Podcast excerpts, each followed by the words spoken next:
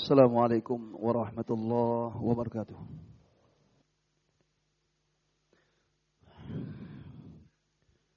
إن الحمد لله نحمده ونستعينه ونستغفره ونعوذ بالله من شرور أنفسنا ومن سيئات أعمالنا من يهده الله فلا مضل له ومن يضلل فلا هادي له وأشهد أن لا إله إلا الله وحده لا شريك له وأشهد أن محمدا عبده ورسوله لا نبي بعده.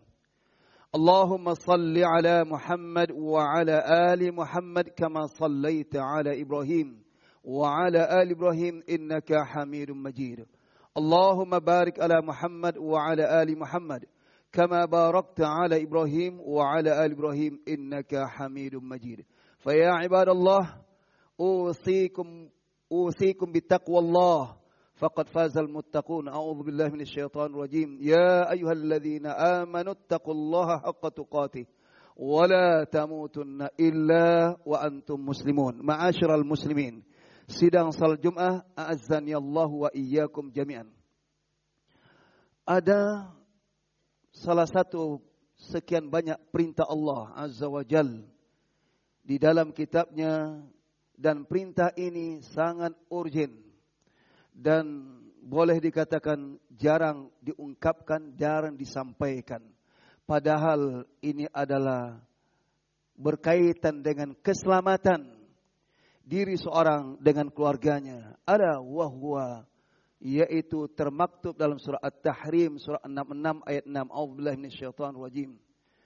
Ya ayyuhalladzina amanu qu anfusakum wa ahlikum nara wa quduhan nas wal hijara 'alaiha malaikatun ghiladun shidad la ya'suna Allah ma amarahum wa yaf'aluna ma yu'marun Allah Subhanahu wa taala berfirman Ya ayyuhalladzina amanu ay ayyuhalladzina saddaqu saddaqullaha wa rasulahu Wahai orang-orang yang telah beriman, yang telah membenarkan Allah sebagai Rabbnya dan membenarkan Rasulnya sebagai utusan Allah.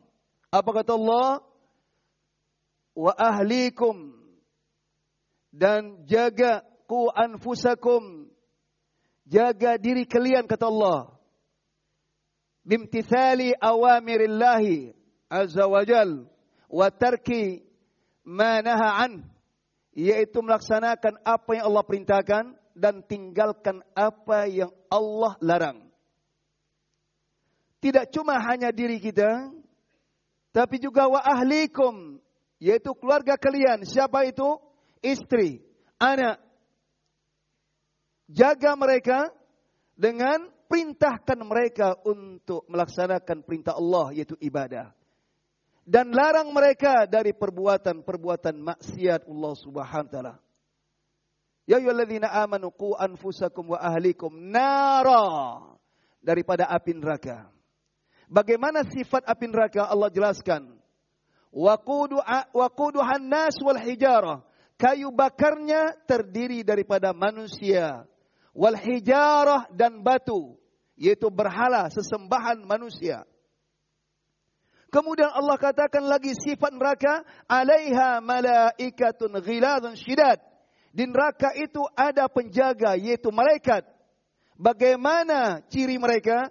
Ghiladun syidad. Orangnya cirinya adalah kasar. Dalam hadis disebutkan nuzi'at rahmatullahi fi qulubihim. Allah telah cabut rasa sifat kasih sayang dalam hati mereka. Sehingga ketika mereka melaksanakan perintah Allah menyiksa, tidak ada rasa balas kasihan sedikit pun. Ghiladun syidadun dan kuat, tangguh. Kemudian kata Allah, mereka melaksanakan perintah la ya'sunallaha ma'amrum. Mereka tidak pernah membangkang. Mereka tidak pernah menolak apa yang Allah perintahkan. Wa yaf'aluna ma yu'marun. Mereka siap melaksanakan apa saja yang Allah perintahkan pada mereka untuk menyiksa penghuni api neraka. Ma'asyiral muslimin azani Allah wa iyyakum jami'an. Ayat ini diawali dengan diri kita, ku anfusakum. baru keluarga. Ada apa gerangan? Sebelum kita bicara, salah satu kewajiban kita adalah keluarga. Anak, istri kita, itu yang utama. Sekarang kalau kita lihat sebagian remaja anak-anak muslim, abnaul muslimin, telah terjadi pergeseran, dekadensi moral, pergeseran moral. Bukankah mereka dulunya lahir dalam keadaan suci? Kullu mauludin yulad al fitrah. Tapi setelah mereka besar dewasa, mereka berubah. Menjadi anak-anak yang tidak terarah. Akhlaknya jelek. Suka membangkang, suka membantah, suka melawan kepada orang tuanya. Siapa yang salah? Mereka tidak bisa disalahkan. Kembali itu kepada orang tuanya, ayah dan ibunya. Itu faktor utama. Tidak mungkin mereka itu berubah begitu saja tanpa ada pengaruh daripada ayah dan ibunya. Minimal kelalaian oleh ayah dan ibunya. Dalam kesempatan yang singkat ini, khatib hanya ungkapkan beberapa faktor. Faktor yang pertama adalah tidak ada kudwah, tidak ada contoh dari ayah dan ibunya ketika mereka, mereka berada di luar. Maka itu Allah katakan ku anfusakum jaga diri kalian. Artinya apa? Jadilah diri kalian jadi orang yang saleh. Seorang ayah yang saleh, seorang ibu yang saleh agar anak itu bisa mencontoh ayahnya sebelum mereka mencontoh yang lainnya. Karena perubahan akhlak anak sangat berpengaruh dengan tingkah dan pola hidup ayah dan ibunya. Terkadang kalau ditanya, kenapa kamu begini? Kenapa kamu ngeluyur? Apa katanya? Tak betah di rumah. Bagaimana seorang anak tidak betah di rumah? Kenapa? Ayah, ibu sering berantem. Sering cekcok. Itu yang keluar terkadang dari mulut mereka. Sering cekcok. Sering berantem antara ayah dan ibuku. Terkadang dia curhat kepada orang lain. Iya kalau dia curhat kepada ustaz. Iya dia curhat kepada seorang alim untuk menenangkan hatinya. Tapi kalau dia curhat kepada orang-orang sembarangan, hancur hidupnya. Ini awal di rumah tangga. Ini terkadang kita tidak memperhatikan betapa besar pengaruhnya dalam rumah tangga. Padahal yang dicekcokkan tidak lebih daripada dunia. Enggak lebih dari dunia. Terkadang istri kurang zuhud, kurang kenaa. Terkadang sebaliknya, suami nggak peduli rumah tangganya. Kewajibannya. Akhirnya terjadi broken home, kata orang. Rumah tangga yang hancur. Padahal anak itu amanah. Akan ditanya oleh Allah subhanahu ta'ala. Sekalipun dia bertauhid, belum tentu orang bertauhid aman daripada siksa lebih neraka. Bukankah dalam hadis sahih kata Rasulullah yu'adzabu min ahli tauhid finnar kata Rasulullah hadis sahih. Diazab orang ahli tauhid. Perhatikan Rasulullah kata ahli. Berarti ahli adalah orang yang betul-betul bertauhid. Ibaratkan bahasa kita, ahli dalam bidang ini, ahli dalam bidang ini. Min ahli tauhid finnar hatta yakunu humaman kata Rasulullah sampai dia gosong disiksa dibakar oleh Allah padahal ahli tauhid kemudian kata Rasulullah ya'ti ilaihumur rahmah datang kepada mereka rahmat Allah kasih sayang Allah karena masih ada tauhidnya Lalu kata Rasulullah, yukhrajuna minan nar. Mereka pun dikeluarkan dari api neraka kata Rasulullah. Wa itrahuna amamal jannah. Dicampakkan di depan pintu surga. Wa yarushu alaihim ahlun jannah bil ma' ay ma'ul hayat. Lalu penduduk surga ramai-ramai menyiram mereka dengan air surga sehingga kulitnya kembali seperti semula. Wa yudkhaluna al jannah mereka pun masuk dalam surga. Tapi mereka sudah disiksa terlebih dahulu. Bisa jadi faktornya apa? Berkaitan dengan anak. Berkaitan dengan keluarga yang tak peduli. Tak cukup kita saleh. Tak cukup kita melangkahkan kaki ke masjid. Terkadang kita sudah merasa saleh. Lima waktu kita jaga. Ta'lim kita hadir. Sementara anak dan bini kita kita biarkan. Kewajiban. Pendidikan zaman sekarang ini sangat berat dibandingkan zaman dahulu. Sangat berat. Banyak hal-hal yang menghancurkan mereka. Maka kita sebagai orang tua harus lebih ekstra lagi dalam mendidik. Banyak sekali yang menghancurkan mereka. Kalau dari kita sudah tidak benar, maka hancurlah mereka. Anak merupakan titipan Allah. Anak merupakan harta yang sangat berharga. Bukankah kita berharap agar kira nanti anak kita bisa menadahkan tangannya ke langit? Ketika kita sudah terbaring, terbujur, kaku sudah, kita mengharapkan doa anak yang saleh. Idza mata min adam in qata amalu kata Rasulullah. Kita hafal hadis itu. Kenapa kita tidak ada usaha untuk mengambil salah satu di antara yang tiga? Paling tidak anak yang saleh. Makanya kita harus punya usaha untuk mendidik mereka. Betul berat Ustaz, betul berat. Siapa saja, bukan saja orang biasa. Ustaz pun berat mendidik anaknya. Kiai pun berat mendidik anaknya. Alim pun berat mendidik anaknya. Tapi bukan berarti lepas tanggung jawab. Sekarang ini sudah berbahaya. Lihatlah para remaja. Sebagian sudah masuk pada geng. Geng motor. Ini sama dengan penyamun. Kota uturuk. Hukumnya adalah dosa besar. Lebih besar hukumnya sekedar mencuri. Membegal itu termasuk golongan kota oturuk. Tapi kenapa bisa terjadi? Zaman dahulu, zaman orang tua kita, Zahudu, ada tapi tidak merata. Paling hanya beberapa tempat perlintasan Sumatera dan Jawa. Nah itu terkenal zaman dahulu. Sekarang sudah masuk ke kota, ke kampung, di mana-mana sudah. Malam-malam ketika sepi. Dan itu dilakukan oleh siapa? Remaja. Oleh siapa? Abnaul muslim. Belaisa abnaul kufar. Kenapa bisa terjadi? Ke mana orang tuanya? Lagi-lagi orang tua tak peduli. Atau lagi-lagi orang tua barangkali sudah putus asa. Padahal la asu min rahmatillah kata Allah. Jangan putus asa di rahmat Allah. Hidayah kata Allah. Tapi harus ada usaha.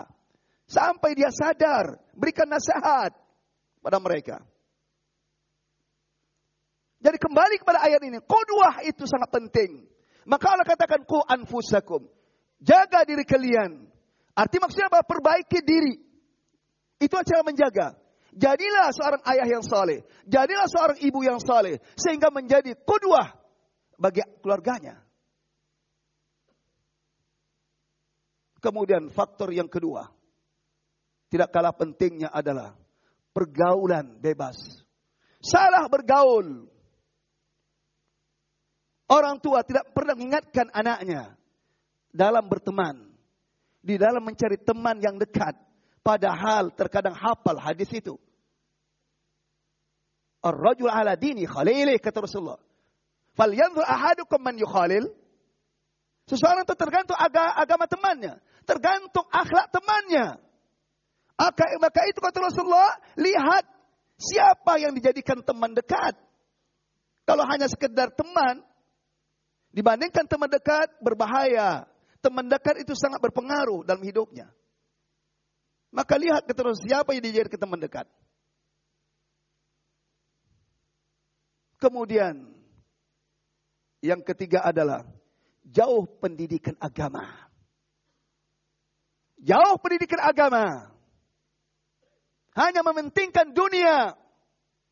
Mementingkan pendidikan umum. Sementara anaknya nol, kosong masa agama. Tauhidnya nggak ngerti. Sholat secara syar'i pun tak ngerti. Beruduk pun terkadang nggak ngerti dia. Ke mana ayahnya? Ke mana ibunya? Apa yang diajarkan selama hari ini? Diperhatikan mereka ketika mereka ibadah. Kalau kita merasa tidak sanggup, masukkan mereka pesantren. Paling tidak itu tanggung jawab kita. Agar mereka bisa dididik oleh guru-guru yang paham agama. Kasihan. Salatnya nggak benar, salatnya nggak sah berarti dia tak salat sama sekali. Dan itu tidak sedikit pengaruhnya luar biasa terhadap ibadahnya. أقول قولي هذا وأستغفر الله. لي ولكم فاستغفروا إنه هو الغفور الرحيم.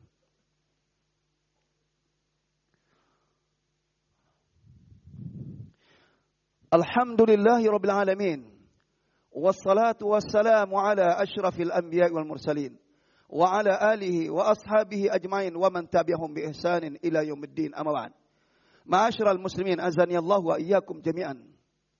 jami'an. خطبة إني؟ ini bukan saja untuk jamaah. Termasuk khatib. Karena khatib punya keluarga, punya anak, punya cucu. Maka kita saling ingatkan hal ini. Karena akan ditanya oleh Allah Subhanahu wa taala. Kullukum ra'in wa kullukum mas'ulun ar-ra'iyah kata Rasulullah. Semua kita pemimpin akan ditanya oleh Allah tentang kepemimpinannya. Faktor yang terakhir paling tidak tidak pengaruhnya juga sangat besar yang terakhir ini. Yaitu masalah makan, minum, tempat tinggal, fasilitas, sandang, pangan, papan yang diberikan kepada keluarga dari hasil yang haram. Dari hasil yang haram. Terkadang ini kurang diperhatikan. Bisa haram itu karena dagangnya nggak jujur. Hasilnya jadi haram. Terlebih lagi terlibat riba.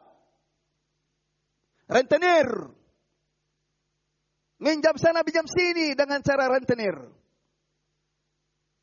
Terbebas saat itu, tapi bebannya riba yang luar biasa dosanya.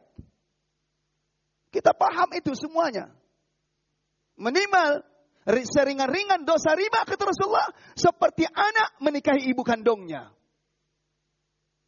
Yaitu berhubung badan dengan ibu kandungnya itu seringan-ringan waliyadzubillah.